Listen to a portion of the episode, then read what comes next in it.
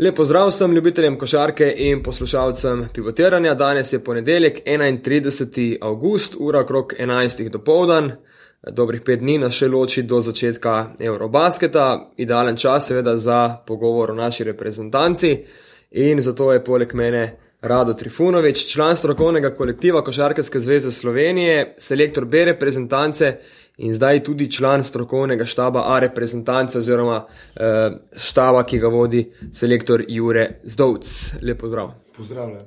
Ujeli smo vas eh, tik preden se podate na novo, ne ravno misijo, ampak novo destinacijo. Eh, danes popovdne že odpotujete na tiste zadnje priprave, ampak v bistvu bi me najprej zanimalo, eh, pred dvema letoma ste prevzeli to funkcijo na košarkarski zvezi, košarkarskega inštruktorja, če se ne motim, oziroma tri leta že. Tri leta, ja. tri leta. Kakšne zadožitve v bistvu in tudi odgovornost vam pripada v tej funkciji? V bistvu sem bil zadolžen zadnje tri leta za, kot trener, inštruktor in vodja regijskega selekcioniranja za selekcioniranje igralcev, mladih igralcev po Sloveniji in sicer starih 13, 14 pa do 15 let. In to zgleda nekako tako, da imamo razdeljeno Slovenijo na štiri regije. In v vsaki regiji imamo pri 13 let starih fantih, uh, imamo tri ekipe, uh, ki so razdeljene, iz, mislim, ki so sestavljene iz različnih klubov. Uh, Uh, to ponovadi klubi pošljajo sami igralce tja, za katere mislijo, da bo v prihodnosti nekaj kazali, da nekaj več kaže, da so nekaj ekstra. Seveda je vedno to prostor še kasneje, pri 15, 16, 17 letih, ker ne moreš to tako malo ugotoviti, kjer je ta prav, kjer ni. In potem so to taki pregledni treningi, uh, ki se odvijajo čez vsako leto. Vsaka ekipa ima pet preglednih treningov, na katerih pač jaz skupaj z ostalimi trenerji, ki delajo tukaj, Uh, Probamo ugotoviti, kje so to igralci, ki naj bi šli potem v 14 let stare, ki se ima ta selekcija zoža. Ja. Uh, ko se ta 14 let stara selekcija zaključuje, probamo narediti te prve reprezentančne ekipe in to sta dve ekipi, ki igrata na Slovenijo bolj v Slovengracu.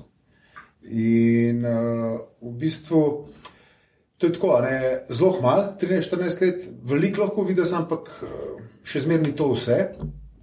In uh, ko ne rečem, je vedno dopustimo še vedno prostor, da tisti, ki se ne pokaže pri teh letih, uh -huh. se pravi pri 15, pri 16, ki nekdo kasneje dozori, da ga dajemo zraven. Ne.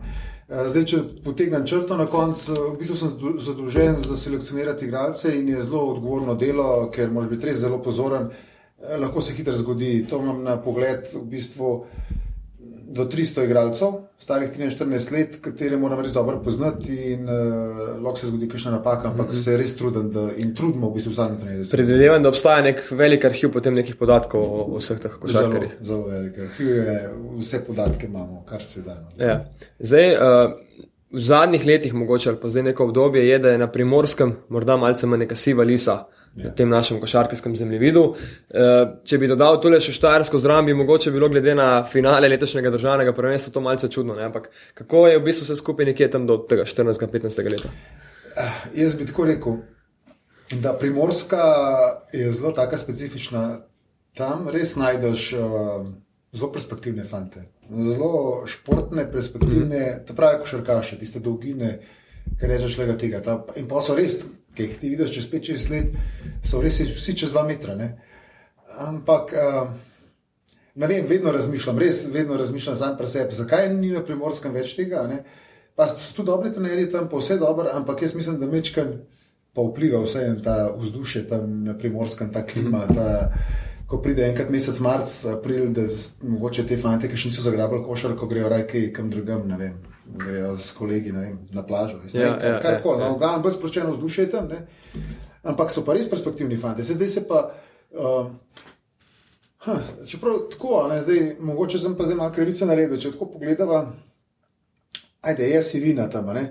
ampak. Uh, Veliko igralcev je iz Kopra, rečemo, skušajte kluba Koškopr, uh -huh. pa tudi uh, iz Portoroža, pa ste prihajajo potem v vidne vloge v slovenskih klubih, Rojc, uh, imamo Hočiča, ki zdaj igra v Portorožu no, in tako dalje, uh, Hrvata, ki pri Olimpiji. Mm. Vse te, te se prihajajo iz tam, ne? ampak tam je polno takih fantov, lahko bi jih še več prihajalo, no, to pa je. No, to pa je. Um, dobro, B reprezentanca.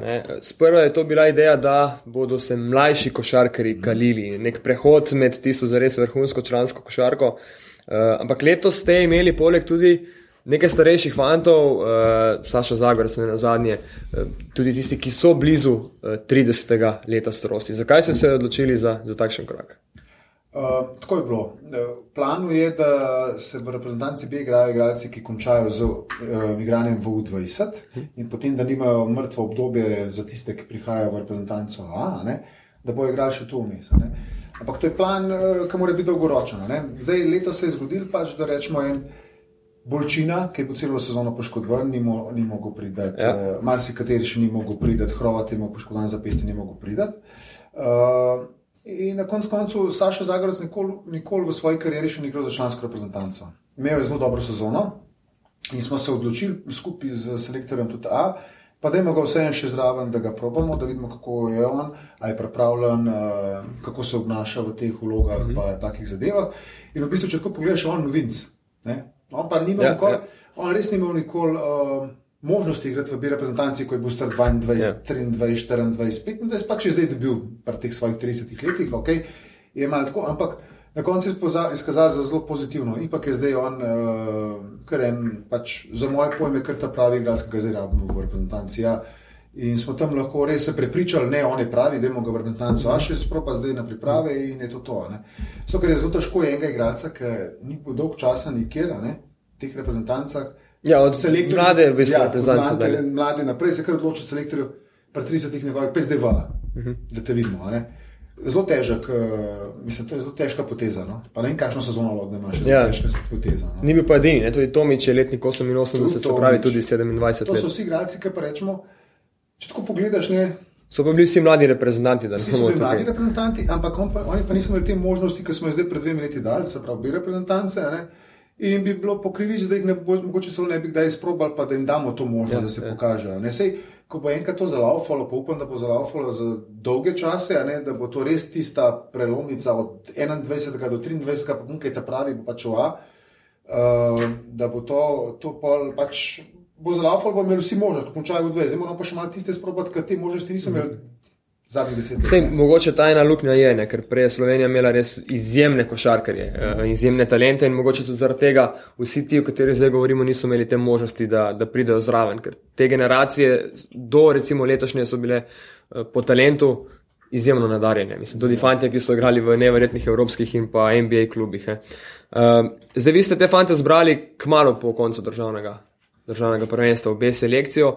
Je ta sistem v A selekciji že uh, prilagojen, oziroma je razmišljanje v tej smeri, da se uh, te določene fante, kot ste jih menili, navadi na sistem tudi igre v A selekciji? Ali je to sistem prilagojen B selekciji? Ne, ne, ne. To je kar v bistvu tako.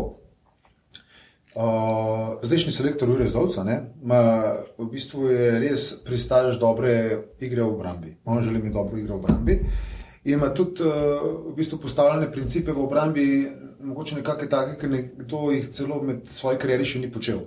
Pač, to, kaj to pomeni v bistvu? To so velike zahteve, več, mislim, tako le. Če ti prideš, rečemo, ajde, gre čisto plastično povedati. Če ti prideš v, zdaj na trening, eh, ne vem, italijanska liga, Helmut Trenerju, prideš not, pa boš gledal trening, pa boš gledal cel teden trening, pa boš gledal 14 trening, pa še tekme spremljati bo rdeča nit eh, tistega treninga, tekem vsega, vedno v, pardon, v napadu. Bomo to, to, to, gremo zdaj malo obrambe, no v napadu, pa tako, pa tako, gremo še malo obrambe narediti, dobro, večinoma trenerji hoče obrambo. Ampak čutiš, da ni tista energija, ki se dela obrambna zadeva, da je to res to. Ne? Se vidim, kam cilj ste, ker komentiram uh, italijansko ligo na sportklubu in je. Ja. To je džumbus, ne? Ja, je džumbus, je, je pa gledljivo, mogoče za za te navijače. No? Mislim, ja, zanimivo za gledalce vprašanje, koliko je kvalitetno. No, ja, no, ker ja. napak je ogromno, napak, nobenih no. sistemov, ki bi se jih držali prav res direktno. Ne, ne, to zdi, da je dosti razpoščeno. Ja, tako je nekako. Ja. No, in zdaj to je tako, ne, zdaj Jurij ima pa res zahteve tako ogromne v obrambi. Um, Kar je edin prav, um, tudi sami v obrambi, gledate, točno ve, kako je, in iz obrambe se pač, če si majhna nacija kot Slovenija, smo drugače, ker te prvič prišel tja, da boš zgrizel, da ne bodo ti unije nadajo, moraš pa ti napad, pa ga probaš dati, ne? pa ga želiš dati. Se pravi, ima zahteve visoke, uh, principe obrambni ima določene od A do Ž, kaj se zahteva, se pravi, pri tej blokadi to, pri tej blokadi to, pri uni to, pri uni to, in to na koncu je skupaj je zelo veliko. In uh, glede na to, da je pač Jure tak, da te stvari zahteva, se je z Jure tam zmenila, da je v bistvu v obi reprezentanci uh, sistem obrambe popolnoma isti, kot je potem v A. Uh -huh. Zdaj uh, v Arabski imaš ti mesec, pa pol, dva meseca, da pripeljaš tega, v Birbazanci imamo 14 dni plus 10 dni, to je prav dobre tri tedne. Uh, Malo mal premalo časa, v bistvu. ampak vse je, gremo vse čez, ker Un, ki bo prišel iz B, bo točno vedel, kaj se zahteva v, v obrambi. Uh -huh. Napadalno, nekatere stvari so, ki so v A, ampak tukaj pa gremo prilagajati na igralce. Se pravi, če imamo mi veliko šuterjev v B, bomo nekaj več naredili za šut. Če imamo ja, ja. visoki igralce, bomo več za globino naredili. Če imamo dobre pikerole igralce, bomo več pikerole igrali. No, to pa prilagajamo na njihove stvari, ampak obrambno pa pač. Je oddal že probamo tudi v B speljati, kot bo v A, zato da ko pride tam, da napadajo z Marsa. Ja, ja. Zato, ker že ko imajo. Uh, te zbire podatke so to, ajde, če so mlajši, kot so laporniki, te, ki so prišli, pa te, ki so prvič prišli, to mi zagotavljajo. To. Že to je njim en tak mal večji pritisk, da se tam dokazujejo. Zdaj pa, da imaš nove informacije, dobiva, da jih sploh nisem nikdar, nikoli prej slišal, je za njih to pol taka glava. Velika, ja, ja. Zdaj pa, če nekako nekaj že malo svoje, pridejo tja, je pa to to. Lažje, lažje se fokusira, samo da se pokaže sam za sebe. Najbolj izpostavljen dogodek eh, mlade, oziroma bere reprezentance, se zdi tole potovanje na Kitajsko. Ne? Zdaj, če postaja neka tradicija tukaj, ampak eh, da ne rečem, oziroma vprašam, če ima smisel tako dolga pot, bolj kaj s tem pridobite? Z zelo velik. Uh, tako lahko povem. Rečemo, lansko leto, ko smo bili prvič, smo šli tja um, in smo igrali proti reprezentancem Francije, B, Italije B in Kitajske B. To so bile res močne ekipe. In Francija bi imela res med B in A. Če bi šli na, na Evropsko prvenstvo, bili nekje na sredini, res močna ekipa. No? In ok, pot je dolga, zdaj ta prvi pot. Pot je dolga, greš nekam, kjer te čaka kulturni šok, to je sigurno stvar, ampak to je vse dobro. So, to so ene, ne rečem. To so eni taki dejavniki, ki, ko igralce spravijo, mogoče malo iz tera, in nekako niso čist, nimajo, mislim, probojajo imeti kontrolo samega sebe, ker pač imaš treninge, tekme, potovanje, treninge, tekme, potovanje, ne vem, zgubiš, zmagaš, ne, vse živo. In to se lahko mogoče celo vidi, kjer te pritiske ne moreš zdržati. Ker se vidi, ne, -hmm. pač po domači rečem, poča, ne, pa bo živčen rad, čeprav tega zelo malo. Ne. In tudi to je eno, kar mi tudi v Birmandanci ne gledamo, samo kjer je najvišji skoč, kjer je največ trojk, da, da, ampak tudi gledamo karakterno, kakšni so igralci. Mm -hmm. In skupaj smo v takem ambientu, 14 dni smo bili lansko leto, 16 dni, no, pardon, 16 dni. In tudi vidiš, kako funkcionirajo v kolektivu, kakšni so. In tretji je tudi to ima smisel. Ne? Mhm, to je prva stvar, ajde, potovanje, pa Kitajska, pa to vendar. Druga stvar je pa, da igraš res pred, ajde, uh, lansko leto, ko sem rekel Italija, bi Francija, bi dobre ekipe, Kitajska bi vrhunska ekipa tudi. Ne? Igraš tekme, ki so res na nivoju, ki ti igralci še niso odigrali. Sigurno. Slovenska liga ne more to ponuditi, kot imaš tam mm -hmm. na mhm. tisti tekmi. In si res doživiš en tak šok. Ne? Ta prvi, ko prideš tja, pa ko vidiš, da mogoče ni dovolj, da samo 90% časa na tekmi prešprintaš, pa probaš nekaj narediti. Moraš tukaj kar 100% časa to delati, da si sploh zraven. Uh, in pol je to tak šok, in to igralci spoznavajo, in se točno vidi lansko leto. Igrali smo uh, deset tekem na kitajskem, ta prvih štiri, pet tekem, šok, kaj to vsi vse hitro, vse močno, vse nas pretepalo, vse, kaj sem. Pa smo pa nekako sredina turnirja bilo ok, zadnji tri tekme smo pa igrali vrhunsko, ker so pa, se pa vidi vse, da igralci so kvalitetni naši, ne, ampak mm. rabijo več teh tekem. Pravi so izklopili uh, dejstvo, da so nekje druge, da so na kitajskem in so v ja, bistvu zadnji tekme odigrali kot neko ja, normalno tekmo. Čisto normalno. Uh, čim letos, ne, se pa že videli tisti igralci, ki so šli že drugič, že videl, nobene stvari ni presenetila, pač ne, hrana, tret kitajska, delač, potovanje. Ni bilo tako zanimivo, vse skupaj, vse to obstransko. Ja, čeprav si ti tako, da povem, lansko leto ni bilo časa, da bi videl, če bo zanimivo. Ne? Ajde, mogoče nekaj, ampak. Um, So že spoznali, in plus tega, da so te igralci, ki so že bili te nove, ki so prihajali, so jih pač 14 dni pripravljali, sigurno na kavici, ko so sedeli, ej, še kako bo tam to, že kako bo tam to, pripravljali. Uh -huh. Se pravi, zdaj, ko smo prišli leto že tja, bi lahko rekel, da smo prišli že tako, kot da bi šli v čatež pač ima daljša pot, ampak smo že v čatu, že smo že adaptirani, vemo, kaj je čista košarka, fokus. Ne? In uh, letos smo imeli pa tekme proti Tajski B, uh, Danska A, Danska v bistvu ne lišči sana, bilo je nekaj 80% igralcev A, pa stalo 10% so pa neki probavali neke, uh -huh. uh, neke nove igralce. Ne. Uh, in lahko rečem, da smo pa letos odigrali res na nivoju. No. Smo pa res uh, vse videli, da je bila čista koncentracija samo na turnir, na mhm. tekme ne, in smo odigrali. Res dobre tekme. Bila je še neka ameriška uh, All Stars. Ja, NCA. Ja, NCA. Uh, tam so bile spet kvalitetne tekme, pa vse, ampak smo pa res reči sam na tekme. Kako je mogoče vplivalo dejstvo, da se je vedelo, da bo Jurek Zovc povlekel neke določene fante tudi iz te ekipe v sami tekmovalnosti in angažiranosti teh igralcev? Hmm. Ker jasno, mislim, takrat jih je osem, potem šlo še v A selekcijo. Ne? Sedem. Sedem. Ja. Pa da povem, da noben igralec ni načel dobro. Aha, niste izdali tega, ki posebej kako naj rečem. Um, tudi, ko greš pač začne, začetek bi reprezentance, ne? nekako imaš eno sliko, ta dva bi skoraj morala biti. Uh mhm. -huh. Sam bom videl, kako boste delo odradila. Uh, Ajde, te štiri dobre delajo vmes, meni pa čakal, da jih bomo sedem poklicali. No? Uh -huh. In so se res dobro pokazali. No? Noben ni videl, ali bomo točno mi poklicali Zagorca. Noben ni videl. Uh -huh. Res ne. Ampak vmes rečemo, ko so se igrali tekme. Uh, Uh, sem jaz Jurek tudi zelo poslal vem, po prvih treh tekmah poročilo, kako nekdo igra, tret, uh, pogledal smo si video, um, slišala sem se po telefonu, vse te stvari, dvakrat to vmes narediš, ko priješ domov, se še enkrat slišiš mm -hmm. vse to. In tretji, kar koli si videl, začutil, in to, op, da imamo te, veš kaj, bomo pa še tega poklicali, ki je odradil, gremo še tega, ki je dobro pokazal, da lahko, pa bomo še tega, da bo dobra konkurenca, umo, pa bomo videli, da bo boljši, ne, pa bomo pa tretji.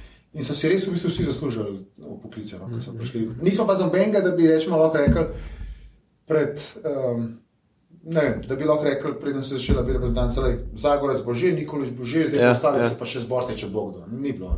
To je tu v glavah, ni, ajde, neko, že mis, imaš eno predvidenek, kdo bi lahko bil, ampak tudi bi reprezentanca, ko se tam igra, um, moram povedati, to ni, hoče zmagati, normalno okay, hoče zmagati, ampak probamo narediti, da čisto vsi približno enako minutažo dobijo na vsaki tekmi. Da imajo vsi svoje pogoje, da se lahko mhm, dokažejo, da mhm. pridejo v. In zelo redko, kdaj se zgodi, da bo.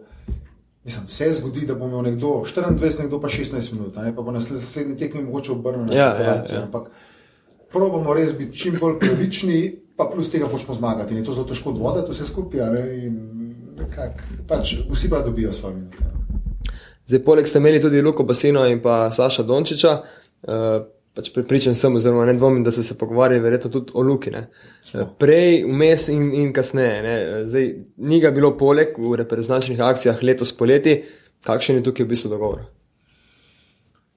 Um, tako je, ne, da Luko si mi želimo, da bi prišel te reprezentance. Tudi rečemo, lahko rečem, da Saša Dončić ne bo oče prav, da bi rad videl, da igra za vse te reprezentance, normalno, skozi prav, da bi lahko. Uh, ampak kljub na takem nivoju zdaj rečemo res, da ga članska ekipa želi imeti v svoji ekipi, ekipa mm -hmm. Reala, da nekako, jaz mislim, da diktirajo, kako bi bilo za njegovo pot dobro, ne? Mm -hmm. Dobro, v rekvajih dobro, ne? Pač oni želijo za, za pot Real Madrida z Luko Dončićem kaj dobro, ne? Uh, plus tega, da ima res je obremenjen fant, no to moram povedati, on je obremenjen, on igra. Jaz mislim, da ima na let blizu tekem. To je res, mislim. Če gledamo, da ima NBA nekje okoli 70 do 80 tekem, on jih ima s svojimi 15-16 leti, uh mhm. -huh. to je veliko, plus treningi, pa vse to. So rahle poškodbe ne? in pri teh letih jih moraš sanirati, to je enkrat ena. No? Če boš šel s poškodbo nekam, bo s poškodbo poškodbo hodil. Nadaljuje pri 23. ne umemo kot več reprezentanci.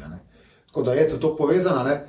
Um, tako je, ne? vsi upamo, da bo čim prej zaigral enkrat za to slovensko reprezentanco, pa da pokažemo, pa da, da vidimo, kaj nam lahko pomaga, ker se prepričam, da nam pomaga zelo, lahko zelo veliko v vseh kategorijah. Ni pa zdaj nekega fiksnega dogovora. Da se bo druge to pridružil, ali se pač ne bo pridružil, kaj podobnega. Ne, ni čisto nič tega. Če to je tako, da je živa stvar, ki jo hočeš, mm -hmm. pač ti smo trenutku, ko bo dana, aha, optimalno spelati. Aha, zdrav si, aha, dej, da pokličemo v real, da se zmenimo, da, da, da v teh 14 dneh zrihtamo, uh, črto potegnemo, luka je letos slabo. No? Mm -hmm. Seveda se bo pa v meži marca malo načelo, pa mogoče že februarja, kakšna stvar, pa kakšen klic, pa to. Ampak takrat, ko je pa reživa stvar, pa moraš ja, ja, ja. spelati. Dobro, um, a selekcija s kratkimi odmori, ne? petkrat po en dan, ste bili skupaj zdaj že mesec in pol, oziroma posebej do samega začetka prvenstva. Uh, že človeškega vidika se to zdi tako mal nenavadna stvar, uh, oziroma problematična mogoče. Vi ste v hotelih, vse čas ekipa, ne ravno hermetično zaprta, ampak en krok tistih 20, kot vas je v štabu, plus verjetno še neki 20 ljudi okrog vas, ki se giblje. Uh, Non-stop so neke verjetno tudi tenzije med, med samo ekipo. Ha, lahko rečem, da je tako. Ne? Je dolga doba, malo smo v bistvu narazen, smo skupaj, do pretiranih tenzij ni. Čisto ne normalne športne časove. Uh, vse dobro, vse lepo, tudi slab trenutek pride normalno, in na treningu, mm -hmm. in po treningu, in karkoli. Uh, skupaj, uh, hm, lahko rečem tako. Ne? Jaz sem že kot Jaz, ki sem bil igralec, sem bil tudi en, pač eno sezono, sem bil vse to čez, ker sem bil v reprezentanci A. Ne. Bil sem v mladi reprezentanci, do 22 let sem dal to čez, uh mhm. -huh. bil sem v klubi, ki smo bili tudi po en mesec skupaj. Veliko hujše stvari sem že videl v teh tenzijah, kot pa rečemo zdaj, kar se klele. Pa, pa, ni, rečemo, pa ni zdaj to, da bi jaz zdaj kaj skrival ali karkoli. Mm. Res ni bilo kaj hudega, so malenkosti normalne, ker morajo biti, če pa ne bi bilo, bo spet narobe. Ne? Ampak kar dobro furamo za enkrat. Zato, ker imamo vsi v glavi en cilj, ne v bistvu, da pač to je to, to mora biti, če hočemo biti uspešni. Mhm. Zdaj, v strokovnem štabu uh, ste asistenti Jureta Zdovca v A-selekciji. Kakšna je v bistvu tukaj vaša vloga, kaj direktno počnete, oziroma kaj, kaj so tukaj vaše zadožitve? Ja, zadožitve so tako. Ne. Prva stvar je, da poskušamo Juretu pomagati. Uh, V bistvu olajšati njegovo delo, ne, zaradi tega, da bo on lahko čim bolj fokusiran pa skoncentrirano čisto bistvo.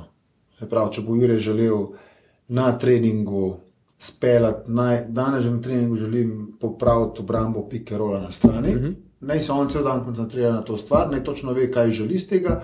Vse, kar pa okoli, tizga bomo pa mi poštimali z vajami, temi in temi, ki se one rabe obremenjevati, ogrevalnimi, mm -hmm. uh, prilagodimo, glede na tisto, kar on želi pač imeti na koncu brava pikarola bomo pač vmešali delali take stvari, da jih bomo res počasi, počasi počas pripravili na to bistvo.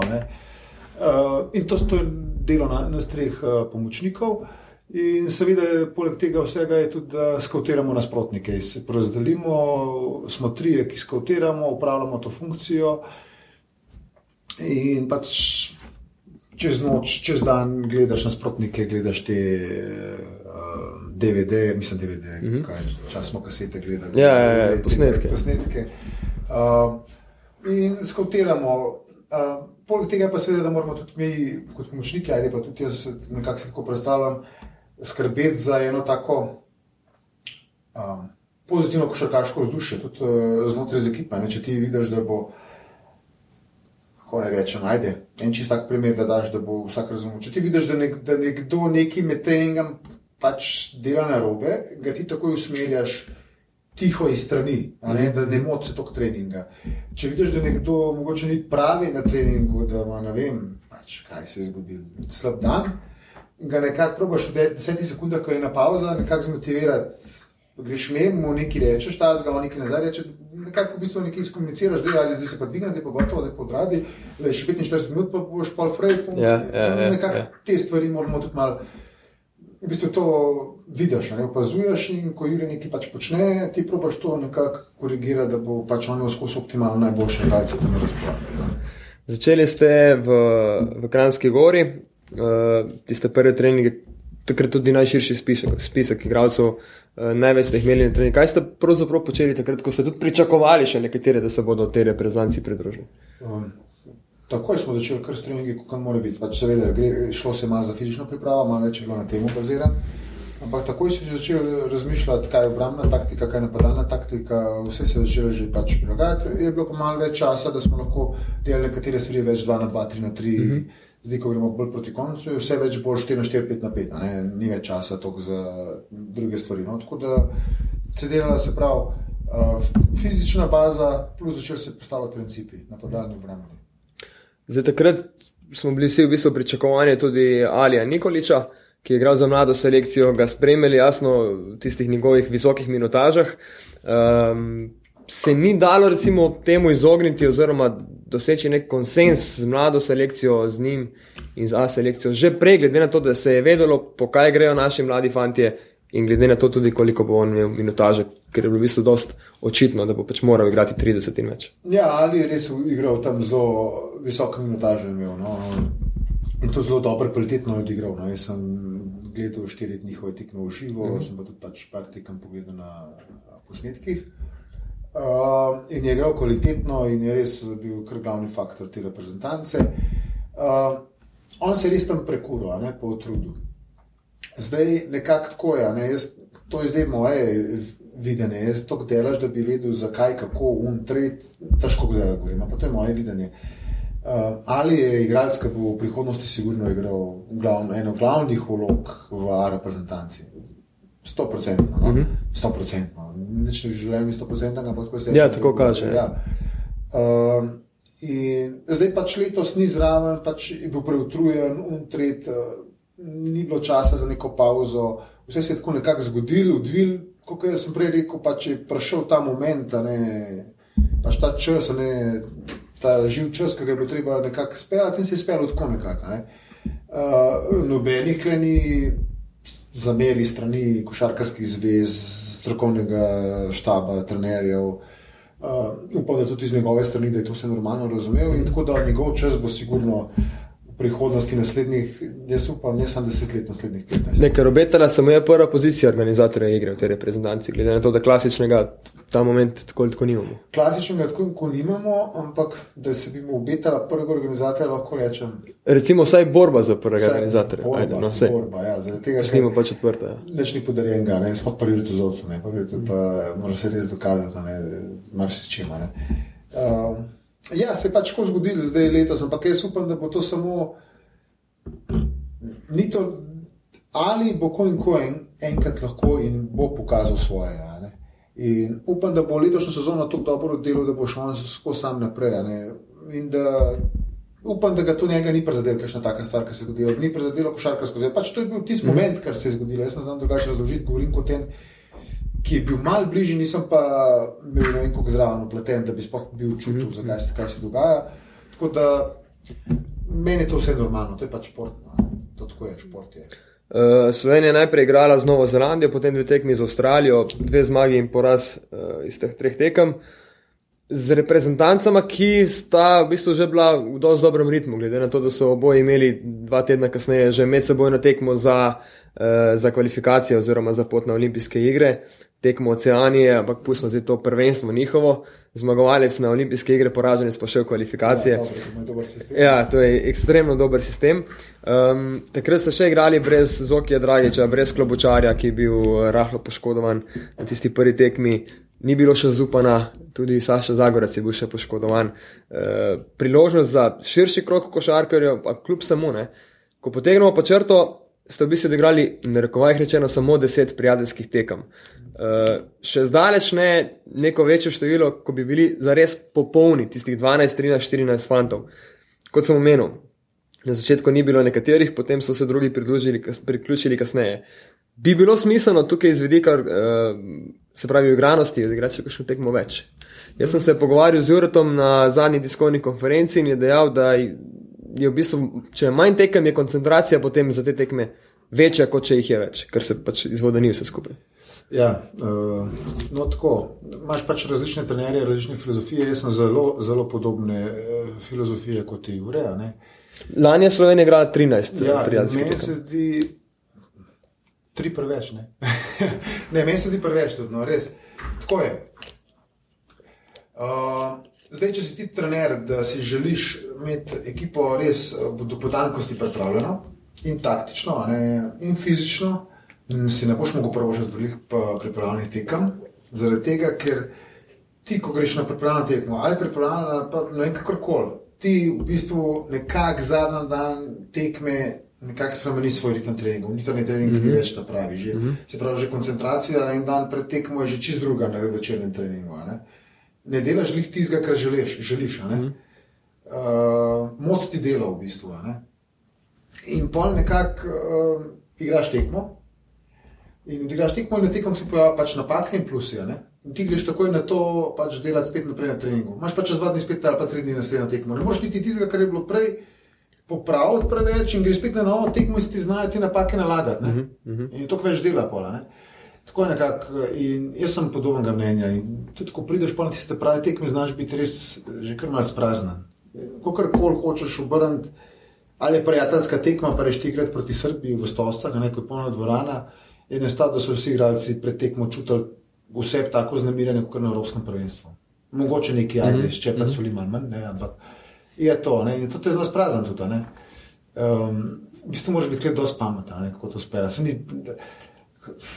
Tako, ne? Jaz bi zelo rad videl enkrat v življenju, kaj pravijo, kakšni trenerji. Jaz smo tempirali formo od takrat, da mi ta recept za to tempiranje forme, ne moreš tempirati forme, ne vem koliko, lahko malo. Uh mhm. -huh. Ampak če bi to recept, bi vsi pismo recept podelali. Dajte nam ta recept, ki se da dobiti. 12, 13, 14, 15, 16 glav, probaš v isto, spet ti lažje tempiraš formo tenisača ali pa šprinterja na 100 metrov, kot pa take stvari. Ja, ja, ja. Mi kolektivno šport. In sem jaz tudi. Ni časa pa za uh, trenirati, no pa sistem postavlja to nulo. Zmanjkati, ne lagati ti napake in zgubljaš tenzijo treninga in uh, na tekmah se skuriš, se utrujen. Tudi se en dan potekni, ne bo trening tako, kot bi bil drugačen. Vse tako imaš ti te ekipe, svoje klubske, ponovadi. Pa, ene tri, štiri tedne skoraj, ajde, grejo, zdaj se že igra, potono malo več, ampak ponovadi je skoraj tako, da tri, štiri tedne, imaš v prvih treh, štirih tednih pripravljaš ti mogoče dve tekmi maksimalno. Ne? Potem imaš naslednjih treh tednih še dve, se pravi, imaš ti šest tednov na razpolago, ja. štiri tekme, dobro treniraš, pa pa začneš pripravljalne tekme malo več igrati. Se ravno zdaj prijemo v, v to vaše obdobje, ko ste bili v Rigi. Ne? Potovali tja nazaj, tam zelo malo treningov, v bistvu ob dveh tekmah, ki ste jih igrali s Polsko in pa z Litvo. Uh mhm. -huh. Točno z Latvijo. Z Latvijo, pardon. Ja. Ja. Točno to je bilo, ne? nimaš časa za trenirati spremeniš okolje, ne, prideš nekam ko, v dvorano. Rečemo, zdaj, ko boš prišel v dvorano v Čatežu, ko bomo pa trenirali športni dvorani Bredice, ko boš ti pripeljal tja v dvorano, bo v dvorani tišina, ko boš noter prišel, se bo trenirala koncentracija tam, ko pa prideš ti na takem turnirju, kot je bil v Latviji organiziran v Rigi, prideš ti v dvorano. Um, te, ko bo en tak, bo mogel semaforje štimati, tam bo v kotu bo en nekaj reklame, tam se bo eni šuškali, ki se bojo mhm, mhm. pogovarjali, kako morajo zjutraj, mislim, polhanje nekih postranskih dejavnikov, ki ti zbija sigurno koncentracijo treninga. Pa ne vedi, ko, ko imaš ti fokusiran trening na terenu, pa rečeš, da je to, to, to narediti, ampak vsejen. To nekako je, ne? nimaš ti tizga miru. Ne? Pa ti mine, ne vem, 5-6 dni, ko si v Latviji, ali pa 4-5 dni, ne, ko si v Latviji, igraš dve tekme, to je super trening pa probaš narediti res pet dober, ampak ni to. to ja, ja, ja. Zdaj, te dve tekmi eh, si v bistvu bilo ne mogoče ogledati no, po televiziji, prenosa ni bilo v Sloveniji, tako da jih tudi sam nisem gledal. Um, ampak ena zmaga, en poraz, dokaj visoka zmaga, oziroma visoka zmaga, po podaljšku sicer s Poljaki, ampak visok rezultat, 98-97 na koncu. In pa rezultat, ki smo ga mogoče, glede na selektorja Jureta Zovca, bolj pričakovali z Litvo, tudi nekje okrog 70 točk. Uh, takšna razlika v dveh dneh. Dobro, tam je bil prvič, je bil podaljšek. Ja. 84-84 je bil redni del. Že tam je bilo veliko. Ampak, ko rečem, ta tekma proti Poljakom je bila zelo tako odprta. Um, mi smo bili razpoloženi v napadu, oni so bili razpoloženi v napadu. In je konc, kar nekako zgine tista uh, rdeča nit uh, igre, ne, ker ti želiš imeti dobro obrambo. Da, in pa ti se začutiš, da ga daš. Pa, tako bom povedal tudi. No? Lahko povem iz igralskih izkušenj. Ko ti vidiš, da ga ti lažje daš v napadu, da zdaj imaš pa ti formo, da imaš pa čez roke zadane, pa to ne. Boš ti v obrambi, sigurno, pa ne da ne boš hotel igrati, ampak boš mečkar manj energije dal. Zato, ker si pripričan, da se če mi bodo tle kožme dolžji, torej, ker ne ustrapamo plus ena. Ja, ja. Ne, tako nekako, no. ne hote, ne. ampak vse je, Jureta filozofija pa je, da do tega ne pride. Ne. Ti imaš pa tudi v Brambi, dragi, pa, pa zmagimo 84, 68, ne. ne pa je 84, 84. Okay. In se je pa tudi videlo, ne, koliko je bilo na koncu 98 rezultata. Ne? Uh, 98, 97. Ja, a je bilo tako. Ja. Ja. Uh, se pravi, tudi v podaljšku je bilo zelo veliko košark, po nas podaljški tam nekje. Rezultat 8, 7, 10, mm. 8, nekaj je bilo pa kar veliko, ne 14, 15 mm. košov. To je spet velika, ne spravi odprta tekma, tako odprta. In oni so dobro počeli, mi šli smo zmagati, tako tekmo, kdo bo več košov dal. Smo zmagali, ok. Pa ne moramo mi vedno tako zmagati, ne moreš ti vedno tako zmagati. Najslabša tekma se zdi, da je bila proti Ukrajini. Ne? Tudi nizek rezultat. Takrat se je potem govorilo, da ste imeli nek sestanek, oziroma da ste bili dlje časa v, v sami slčilnici. Kaj se je takrat? tako jasno povedalo fantom, da so že v bistvu dan kasneje proti Finski odreagirali na zelo dober način. Predvsem v obrambi proti uh, strelsko naravnani reprezentanci Finske. Torej, dogajanje v tej slčilnici me zanima. Pa, kako bi rekel, nič kaj ekstra. Pač bil je samo pogovor, da videl se je tako, ne. Bila je prisotna, sigurno nervoza, igramo pred domačim učinstvom turnira, ne? zdaj smo že mesec skupaj, moramo nekaj pokazati, kaj smo naredili do zdaj. Ne? bili, bili smo v Zunu, bili smo tam, trenirali smo, imeli smo mir, uh -huh. mir nobenost ni na in kaj. In zdaj pač po tisti na zadnje, ki smo igrali proti Avstraliji v Stožcah, se pravi, smo se zdaj zopet pokazali v Kopru.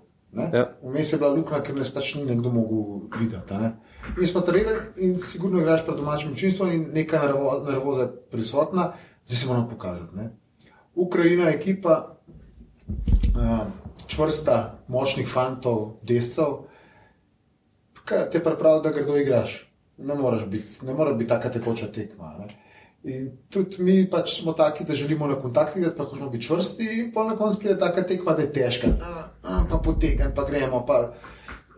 To je tako zgledalo, da bi rekel, rečemo, rešti na tri globe, tako vremenu, ki je danes, ki je sonce, pa ne vem kaj, pa spet luštam, pa se ustavljaš, pa vse tekoče, pa demo spiti kozarč vepsa, pa ne vem, gremo dalje, pa karkoli. Ali pa če greš na trigo, ko se nekaj navihta, pa daš pada, pa se moraš malo skrivati, pa bliska se, pa ne boriš se, da prideš do gore, ampak prideš. Zdaj pa ta, ta tek, tekma z veliko nevihte, ne? ker moraš. Ne? Ja, da je ti se razgovor s čilnici, to je pač klasičen razgovor. Razgovor. Klasičen sestank po takih tekmah, da, kako ne rečem, da je treba se sprostiti, tudi igrati, pokazati svoj maksimum, da nismo prišli sem uh, vem, jokat, pa ne kar koli, da smo prišli igrati dobro, ampak zraven se moramo pa spustiti. No. Uh mhm. -huh. Ampak je bil malo daljši za te, ker treba to in da vedeti igralcem, ker se je videl tudi malo, da so oni ukrčujemo in nervozi. In da, a ponovadi še tako, ker ste eni krčijo, pa nervozi na celi tekmi. Po vsaki igralci sigurno začne računati na enega drugega, da bo v neki naredil, da bo ne svem zlekel. Ne? Pa, pa, pa se bo eh, Joško zdela, da v trojko pa nam bo lažje. Ne, ne, in tudi to moraš povedati, da ti jasno videti. Vsi moramo dati vedno maksimum, da bomo mi lahko odigrali tekmo. Se pa se pride po dveh, po dveh, treh minutah, če da je vsi maksimum štirih, petih, pa se tekmo že tako razvije, da se že pol. Uh, naravna selekcija, da danes bo ta šuter, danes bo ta prodelil, danes bo ta to delo, danes bo pride do tega, samo že pa maksimum, ne čaka, da bodo sam jože maksimum. Ja, ja. Uh, Zmaga tudi potem še z Italijo, z, proti moštvu, ki ima neke neverjetne individualne sposobnosti. Ne. Uh, ne bomo šli v to, ali je bilo presenetljivo. Ne. Rekl bi samo, da je reprezentanca dobila jako Blažiča, ki ga do tega turnirja nismo videli v sistemu Jureta Zdovca. Tudi oba dva sta v bistvu govorila, da se nekako nista uspela najti na, na isti valovni. Um, Jaka je prvo tekmo z Ukrajino dal, mislim, da 12, pa tudi s Finsko, okrog 10 točk. Že je padel v tisti svoj ritem, 4, 6, tudi 8, mogoče vezanih točk, bodi si direktno njega ali pa s kakšno asistenco, ko ukrade kakšno žogo. Ampak visi, to je ta igra, ki jo, ki jo on mora razvijati in, in ja, pri njej ustrajati. In jaz sem tudi vesel, da se je to zgodilo. Ne, uh, sem pripričan, da je jaka vesel, da, da je začutil, da lahko tako dira. Pa še pravočasno se zdi, ne, ja. ker je bilo vseeno še to tri tedne skoraj do prvenstva. Ja, še, ja. Točno to. In, uh, tako je, Janka mora samo se sprostiti in dati uh, občutek, da vse, kar naredi, je plus. On, možno da je on imel skozi svoje glavi nekako, joj, kaj če vmes na tak način igral, bi Jure bil tak, da želi tako. tako. Uh, lahko s prve roke povem, da mu Jure zelo zaupa in mu daje skozi, ko se temu reče, ne podporo. Dej, vrži tam, naredi to, pejte v um prodor, kaj ga znaš narediti, kot greš v crvni zvezi v prodor. Mm -hmm pejti vse to, skozi, ampak pač je, tudi jaka želi vse to narediti, ampak rabaš ti čas, ne, da vse to nekako skombiniraš, ne, pa da to je ipak reprezentanca, ne, kakšni drugačni momenti so to, kot pa klubski sezona. Ne. Tukaj je malo manj časa za popravne izpite, v klubski sezoni ti dve tekmi zgubiš, polok z naslednjimi tremi rešiš vse.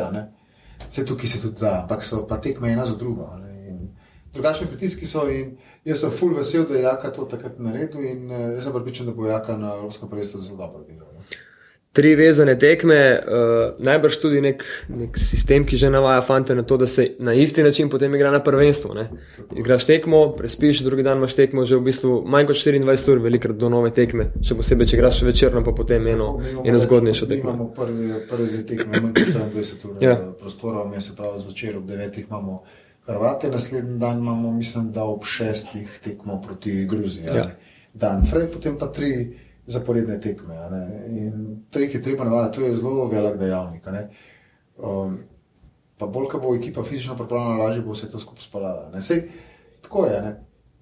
Prva tekma še nekako gre, druga tudi še nekako, pa je dan pauze, pa vse ene, tretja tekma se pa že vidi, ker, ker je delo tako to lažje prebrodijo. In je treba na ta, na ta način navajati fante, je pa zelo težko. To pa moram povedati.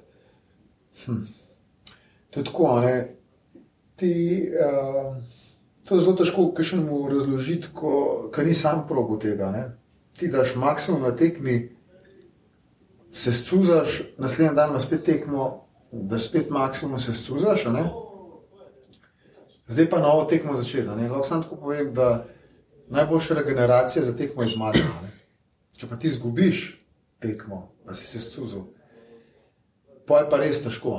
Pa je pa res težko, pa moraš pa res vse atome vendati na naslednji tekmi. Se, je tukaj mogoče malo eh, prisoten. Ne ravno strah, ampak vendarle, vsaj kanček tega, glede na to, da gremo prvo tekmo s Hrvaško.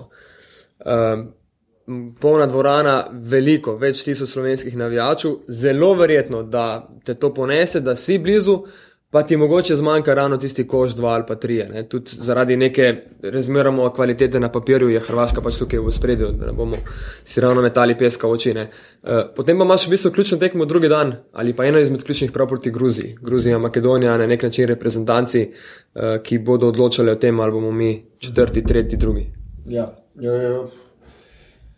Je, ampak uh, eh, se jih že na teh pripravljenih tekmah, Jure zelo dobro dela, ker uh, v bistvu po tekmah, ko se odigra tudi dobro, ali pa tudi, ko se slabo odigra, on proba res, uh, moj občutek je, no, da je res proba po vsaki tekmi.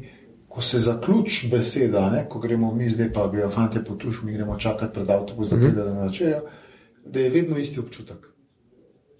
Ni pretiranega vzdušja, ni pretiranega grajanja. Ne? Je vmes, ampak zaključna beseda je pa taka, da ko se ti zaključil, da se v bistvu skozi pod istimi občutki odpravljaš, zdaj pa domov. Ne? In to nekako ti stabilizira tudi malo tvojo tole, psihično tole kondicijo, ne? delaš na tem. Mm -hmm. Tako da tukaj imamo, mogoče bo sigurno to težko, če bi se zgodil tak scenarij. Ampak upamo, da se ne bo tako, da bo jih kontra. Yeah. Ja. Da se zmagate, pa bistveno bolj ponesete. Zmaga pa gotovo, ne, pa ja. veliko rešeno. Ne. Ampak mislim, da bomo pa bomo mogli spet takrat, ko bo živ čas tam narediti to. Če slučajno pride tak scenarij, da pač ne. Ker jasno je, ne, se vi, vi iz igralske izkušnje veste, da če zgubiš tekmo na žogo ali pa dve, uh, sploh pred neko polno dvorano, je to bistveno teže kot marsikateri udarc med igro. Je, je, zelo, to je zelo težko, no. moram priznati, da je zelo težko. Tudi neprespana noč pride, pa Mm. Tiste udarce, ki si jih dobil, sploh ne čutiš, tiste, kar neki, no, pa ti si brez vezi, proti temu ni nič. Um, ampak eh, je pa tako, ne moreš to povedati, ko si igralec. Ko, ko pa prideš spet naslednji dan, si še mogoče tako zjutraj, pa na avtobusu, ki te pele do dvorane, pa si tako, ne, pa ti vse na živce. Ampak ne znam razložiti, ko pa enkrat spet stopiš na parket, pa imaš superge zavezane, pa kad dobiš tisto žogo v roke, je nov dan. No. Je neki, ena posebna energija, vedno meni ta igrišče bil kot igralec, pa tudi kot trener. Ko prijem tisto dvorano, ko se odprejo, vidiš dvorano, pa tribune, pa parket, pa bom, bom, žoge, pa spet neki novega. Gotovo, le, to je to. Dve tekmi Srbijo, uh, domača, dobro, spet polne stožice, nek, nek moment energije, euforije in vsega, ki se je tukaj ustvaril. Bolj smo bili vsi ostali skeptični, kako se bo odvila tekma, tista druga, se pravi v Banja Luki. Ampak je v bistvu Slovenija imela, oziroma ste imeli to priložnost tudi za, za zmago.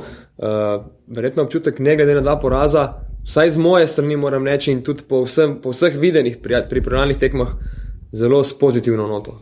Ja, je, sigurno.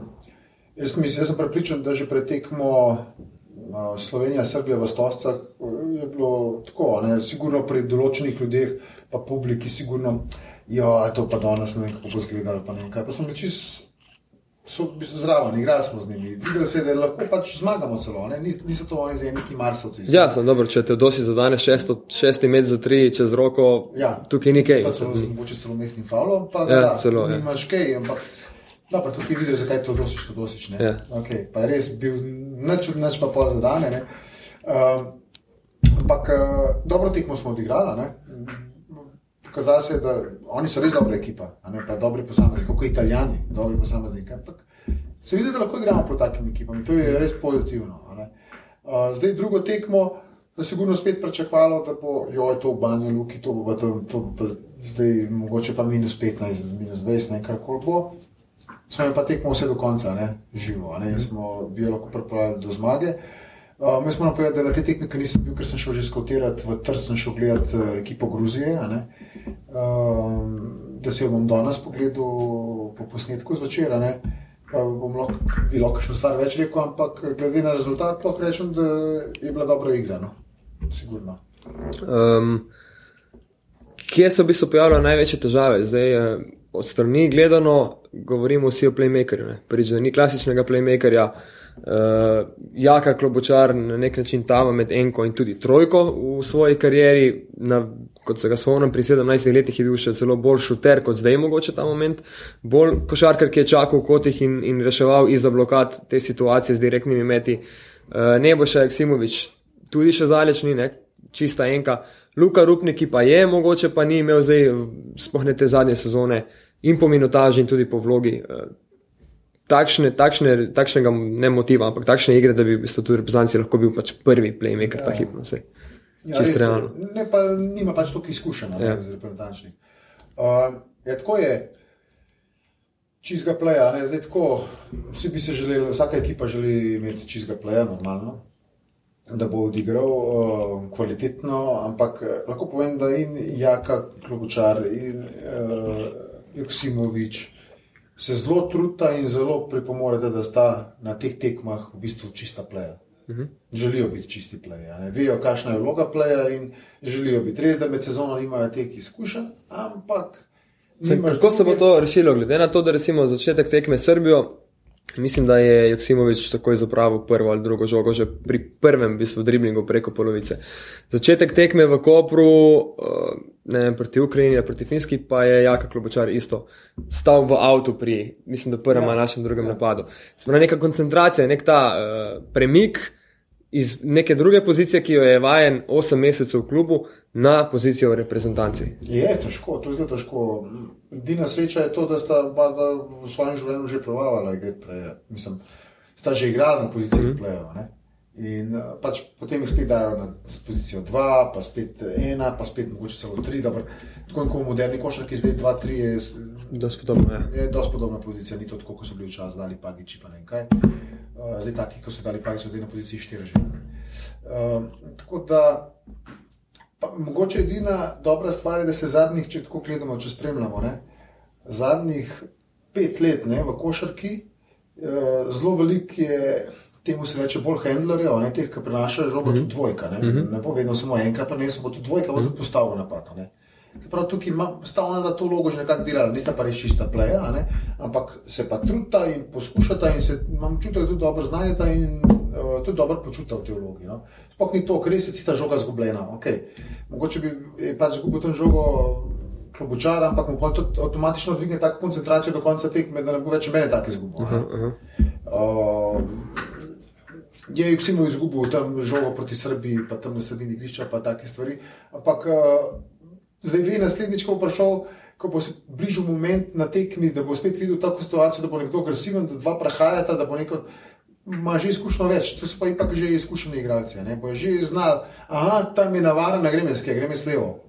Gotovo. Ne? Sigurno so to izkušeni in bojo točno vedeli. Uh, se že tako pogledamo, ne rečemo, tudi italijanska reprezentanca, če pogledamo Hakat, ne?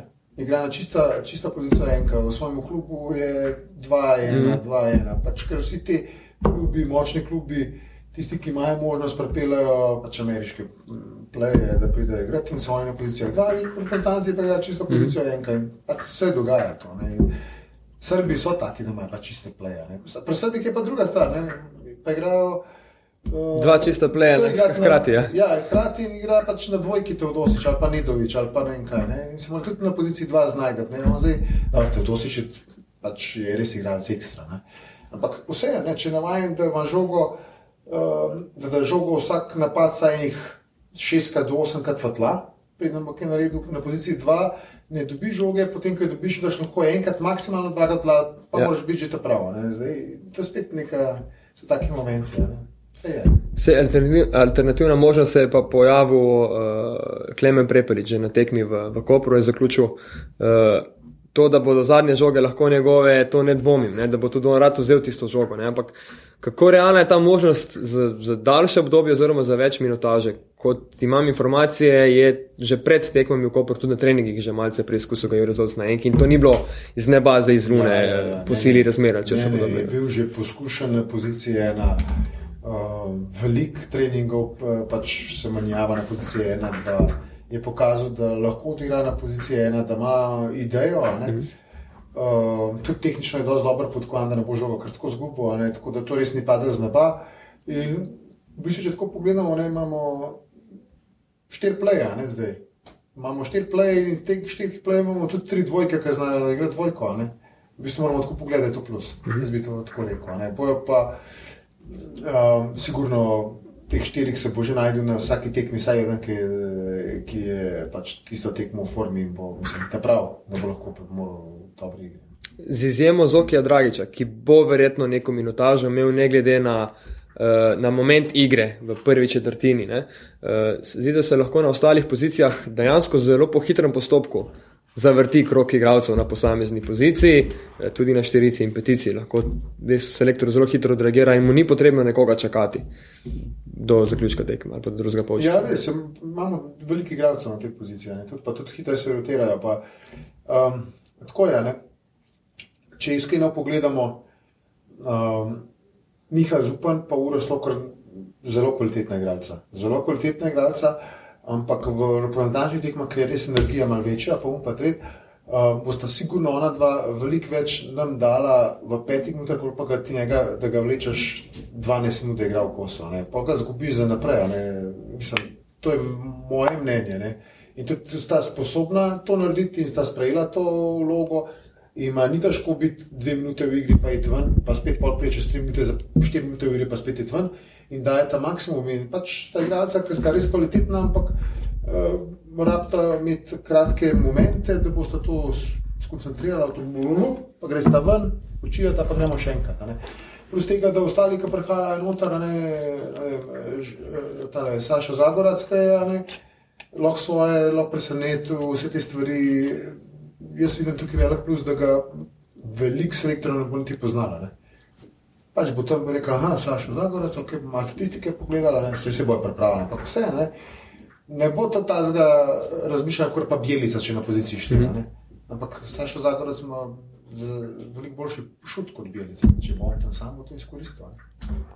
Kdaj bo znano uh, eh, 12. oziroma kdo bo pač kot 13. izpadel? Ja, mislim, da ja, zdaj čakajo že se po. Ampak proti koncu tedna ali zdaj, pač prve dni čate že? Mislim, da proti koncu tedna prejmo. Se pravi, tik preden greš. No? Ja. Kam se kaj nagiba? Uh, mnenje selektorja je že omenil, da bo nekdo izmed visokih košarkarjev.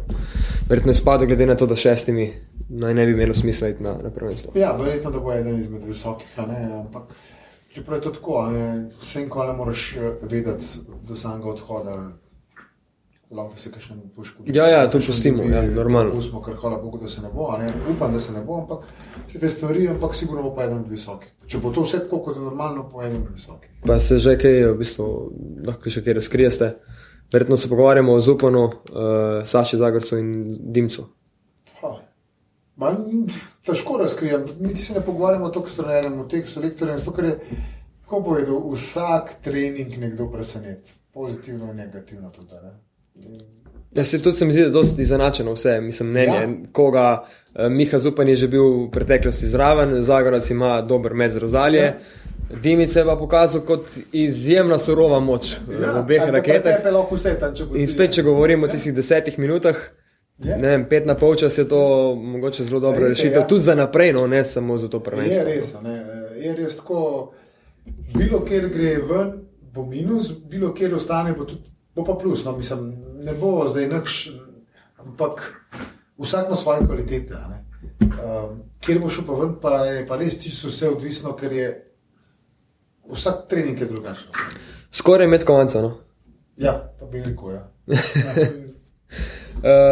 rekli smo, da zdaj čaka še zadnji teden priprav, uh, toliko, bolj, toliko več igre, 4 na 4, 5 na 5. Uh, najprej Hrvaška, potem Gruzija, uh, po vrsti dan prosto, Nizozemska, Grčija, Makedonija, vaši favoriti za prvenstvo, ali pa tudi, če omenimo, kateri štiri bodo šli z naše skupine dalje. Ko- Koga od teh eh, omenjenih lahko odpišemo? Poleg Nizozemske, ki se zdi vendarle, da je Nizozemska četrta, to je ekstremen, ekstremen ja. uh, Samo, če presenečenje. pogledamo te pripravljene tekme nizozemske, vedno so tu nekje.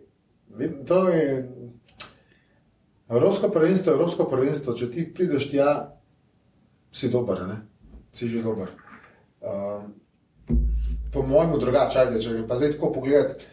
Kot nekdo, ki ne bi bil v štabu, pa ki bi bil pač gledalec, pa to bi rekel, da pač Makedonija pa nizozemska. Ampak Makedonija je reprezentanta, ki, ki res nikoli ne veš, kako bo reagirala. tako. Lahko je zadnja, lahko pa v bistvu prije do medalje. Pa še taki, še taki se bojo prvo zmagali, bo tisoč več Makedoncev prišlo z Makedonije, bojo dopustili, zdaj pa prišli, pa bo pa na koncu že kar 4000 v dvorani. Je to letošnje prvenstvo, prvenstvo, kjer je dejansko najširši krok favoritov, ne za mogoče zlato, ampak za, za vse te medalje, za polfinale. Recimo. Se zdi, da v naši skupini z lahkoto naštejemo štiri reprezentance, z izjemo mogoče skupine, ki se igra v, v, v Litvi, da so vse ostale izjemno, izjemno polne, da ne omenjamo niti Berlina in, in petih, petih reprezentanc v tisti skupini. Ja, zelo izenačeno, mislim, zelo izenačeno. Kako ne rečem. Kvalitetne ekipe so. ne, Uh, vsaka reprezentanca je res prišla, skoraj vsaka, z najboljšimi, kar jih ima, ne, igralci. In je- Tukaj lahko začneš, če gremo govoriti, kje so kandidati, ne, da bodo najvišja mesta osvajali. Bi na koncu tako prišel, da mogoče bi ne bi naštel spet nizozemske pa Makedonije. Ne. To je težko pogledati. Ja. Ja. So res vsi prihajajo, vsemi NBA igralci, euroligaškimi igralci, vsemi, ki so zdravi, prihajajo. Noben ni odpovedoval, ne vem kaj. Ne. Že ko gledaš Gruzijo, pa čuli, vse te. Pol, Ja, nikoli močnejša Gruzija, verjetno. ja. Nikoli, nikoli. Gledaš uh, Nemčijo, spet tako, kot novitski, spet je tu. Ne? Nekje je, ena persona je pa mogoče več v taki formi, ki je pred 4-5 leti, ampak lahko pa da bo tukaj. ne. Uh, Ja, pa doma imajo skupinski del, Doma, pa vse to, pa francozi imajo močno ekipo, pa bivši evropski, mislim, zadnji nosilci. Ja. Srbi smo videli, kakšno ekipo so, Hrvati so tukaj domačini v tej skupini. Pa, to je vsega to, kar ne, Španci so smerno navadni, Italijani, kakšno ekipo so sestavili. Bi rekel človek, da Italijani so sestavili ekipo, da je lahko igrati Euroligo, pa je prvaki. ne. Mislim, Ja. ali pa gre lahko igrati v NBA ekipo, pa bo neki zmagovali. ne. Uh, ste se že kaj obrnili proti Hrvaški, proti prvi tekmi, v smislu priprav na to? Pogledali Ja, to že smo- kakšne njihove tekme, zdaj jih je bilo en kup. Mislim, da Ja, imajo to se 8, gleda. 8 zmag, oni v pripravljenem obdobju. Ja, ja, to se gleda, ampak eh, da se bo pa začel re- res da v njih razmišljati, se bo pa v tem tednu. To se pa zdaj pač začne, zdaj že pripravijo na Evropsko prvenstvo in se bo začelo že na prvo tekmo in na drugo, in že na tretjo počasi. že prav razmišljati. Se pravi, ekipo so že boste po- pokazali fantom tudi uh, igre ostalih. Ja, ja, ja, sigurno bomo pokazali. Um, že Hrvaško bomo imeli malo več časa, da jim malo več pokažemo, ne, da bomo malo več videli. Um, ne bomo jim pa kazali že zdaj od Gruzije, ne rečemo, pa od Nizozemske, ker pač ne smeš mešati. Ne. Pač pol Gruzije bo pa tako, kot je normalno, tako po Hrvaški, da bo konec odklopimo, to, kar je zmagal, smo zgubili, smo zmagali, ajde, to je super, gremo zdaj Gruzijo pogledati. Uh, zdi se, da je v našem napadu veliko uročen, uh, dosti utekan. Kako je v bistvu postavljena ta napadalna, napadalna schema uh, in kaj se s takim načinom pridobiva? No? Napadalna schema je postavljena točno tako, da, da, da imamo vedno, probamo vedno imeti igralce na zaključku napada na pozicijah, ki so najbolj navarni.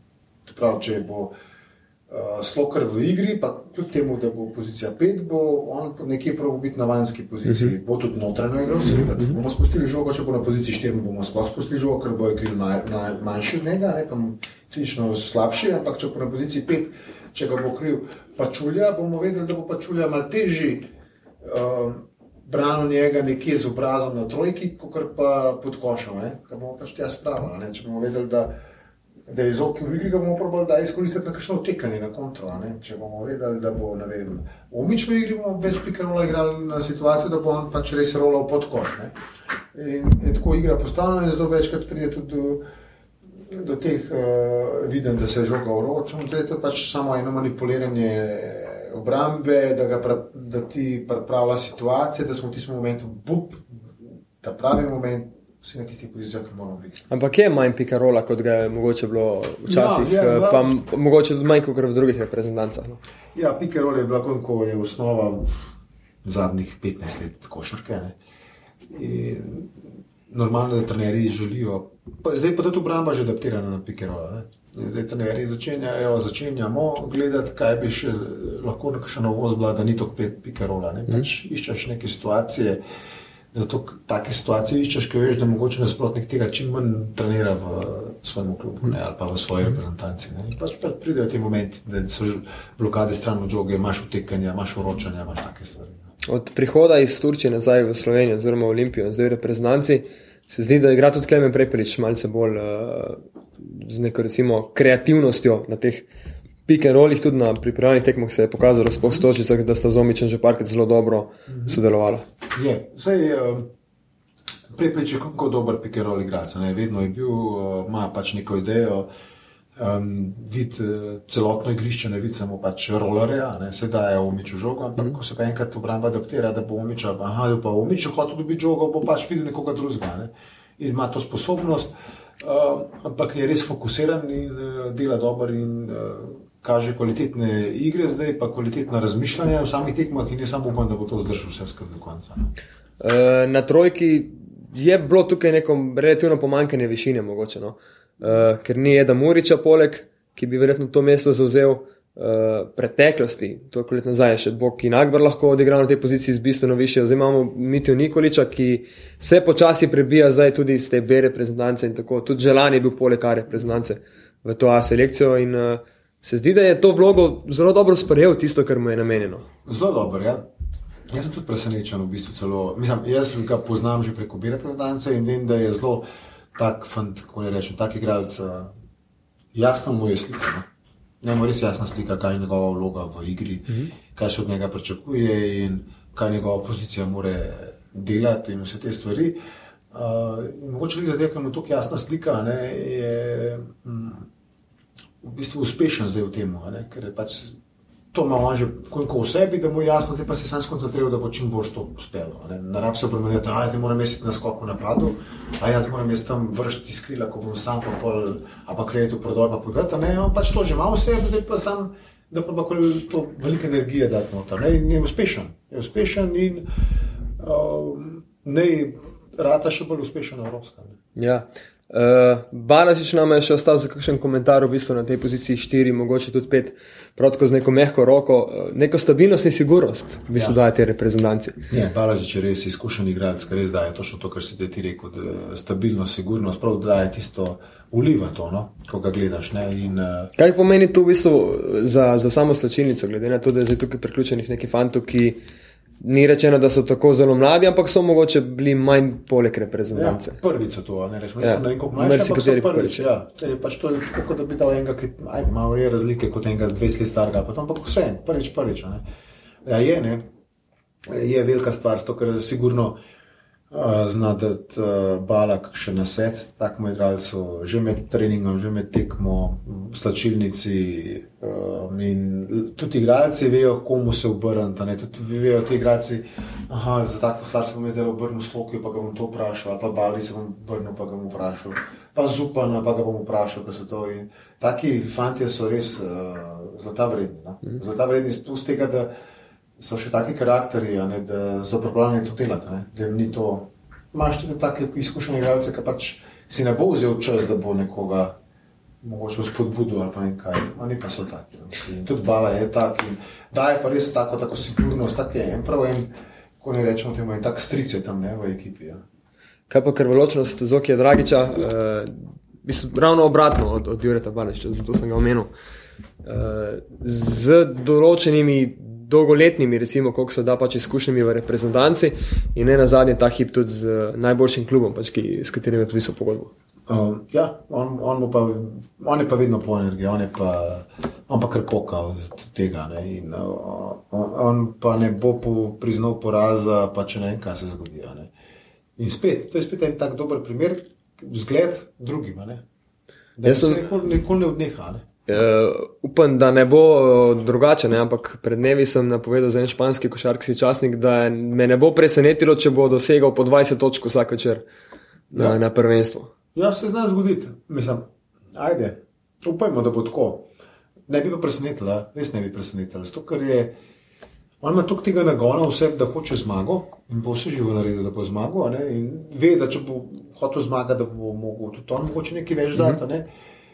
In če mu ne bo šel šut, on ne bo pač odnehal, on bo začel utekavati, on bo začel skakati v napad, on bo začel kontrolovati. On bo hotel da teh 20 točk, ki ti rekel, da bi bil pač ne bi presenečen in tudi ne bi presenečen. Ne kaže tega, da bi se lahko šparil na bilo kateri tekmi. No? Ne, na koncu jaz, kadar, jaz celo kdaj gledam na tekmi, bi se še podkema ta tok tega.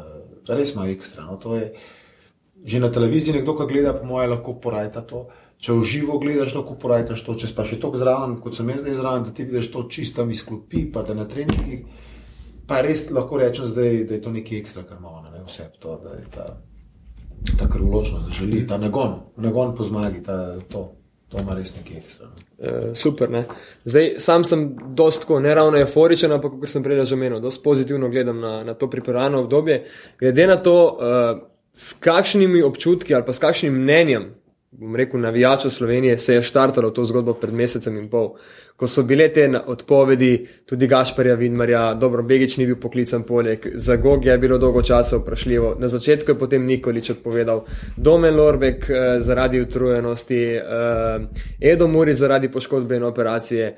Erasmus ni že dve sezoni. Na nek način se zdi, da se je to prebrodilo in da zdaj gre zelo pozitivno vlogo tale vaša uh, barka ali pa jadrnica naprej in pluje tudi z relativno visokimi obrati. Res je, ja, zato ker lahko rečem, da tukaj glavno vlogo, po mojem, to je moja ocena, da vse to tako zgleda, da so občutki taki, da imamo s pozitivno mm. energijo tja, pa da tudi občinstvo je to porajalo, so naredili v bistvu selektor Jurija Zdovc in uh, po mojem, vodstvo Fušarkarske zveze Slovenije, ker ni, ko se so dogajale odpovedi, poškodbe, uno, tretje, pač ni prišel ta, ni prišel un, ni prišel tretji, ni bilo nobenih panik, ni bilo nobenih. Jaz nisem nikoli zasledil nobene izjave, take, da bi bilo nekaj jokanja, da nam pa ta ni prišel, zdaj pa ta, kako bomo pa zdaj to spolali. To, pač to, kar imamo, s tem bomo šli delati. Ne? In točno to se je tudi čutilo že iz prvega dneva priprav. Ajde, gremo, to imamo, gremo to narediti, gremo obrambi, bomo taki in se tako razmišljali skozi. In to ekipa je s tem rasla, ne, z dneva v dan je rasla in pač vzgajala ekipa. In neposredno zraven, hočeš, nočeš, po mojem, vzgajaš tudi uh, občinstvo, ne, s tem, da vidijo, ne, da, se ti pa na joka, mislim, ni zdaj, da bo še rekel na koncu, da se ti pa na joka, ti pa kar delajo, pa hoče zmagati, ne, ampak tako pač vidiš tega, le ti pa se trudijo, vsaka čas, ti pa bojo nekaj, ti pa hočejo, ti pa, le pa jim kol niso nič rekli, ne. Ni zdaj, da bi to rekel, ti plansko šel to planirati, pa razmišljal, ne, kaj, ampak to tako občutek daješ. ne. Ja. In tukaj ima res vlogo selektor, pa eh, vodstvo, ne košarkarske zveze. Se omenil, nisem tudi eh, še Gašparja Vidmarja, ki je prav tako bil poškodovan, potem težave s klubom in pa te eh, nesojene naturalizacije Bryanta Dunstona, ki pa bi definitivno tole pomagal.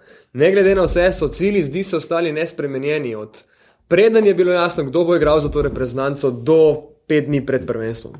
Kakšni so torej ti cilji? S, s čim gre se tja? Ja, najboljši, da naredimo najboljši rezultat, sigurno je cilj, da naredimo najboljši rezultat za reprezentance do zdaj. Ne? To je sigurno vsakič, vsak cilj, uh, vsake reprezentance. Probaš, če si bil nek enkrat že prvak, a ne, pač probaš spet usvojiti, da boš prvak. Ne? Ti hočeš povedati vedno zgodovinski uh, pač rezultat. Te cilji so, zdaj pa kakršen si, si. Ne smeš, ne moreš ti pokazati tega, niti ne vem kaj, ampak cilj je, da narediti najboljši rezultat, kar se je do zdaj delo v Sloveniji. Zdaj pa, kako bo to uspelo, bomo videli. Ne? Jaz sam želim, da ti zdaj pa tako, ne pa treba iti stepa iz stepa, ne vedno. Ne? Moram zdaj, to je generalni cilj, ne? da je ta prvi cilj je v naši skupini oddelati, odraditi svoje in je lepo naprej v Franciji. Ne?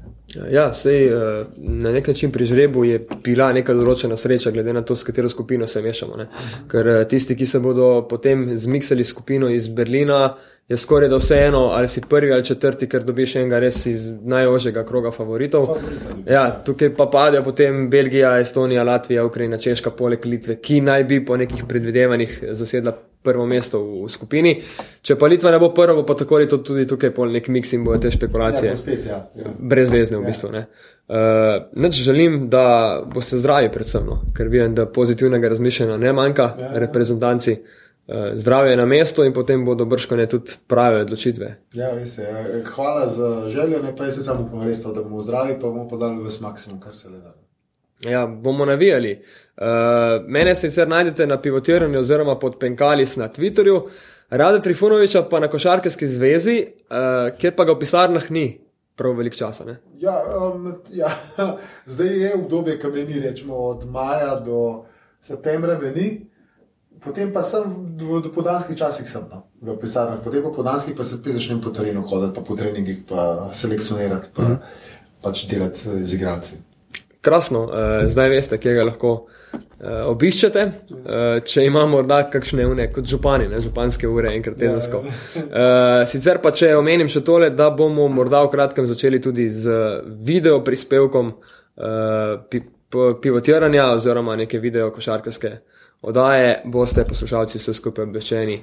Uh, mislim, da že prihodnji teden, glede na to, da bomo ta teden snemali prvo uh, tesno oddajo in uh, potem v prihodnje povabili tudi Rada Trifonoviča no. med gostem, morda po prvenstvu, da bo izdal, kako lepo je, oziroma kako težka je medalja. Ja, ja, se veselim že tega.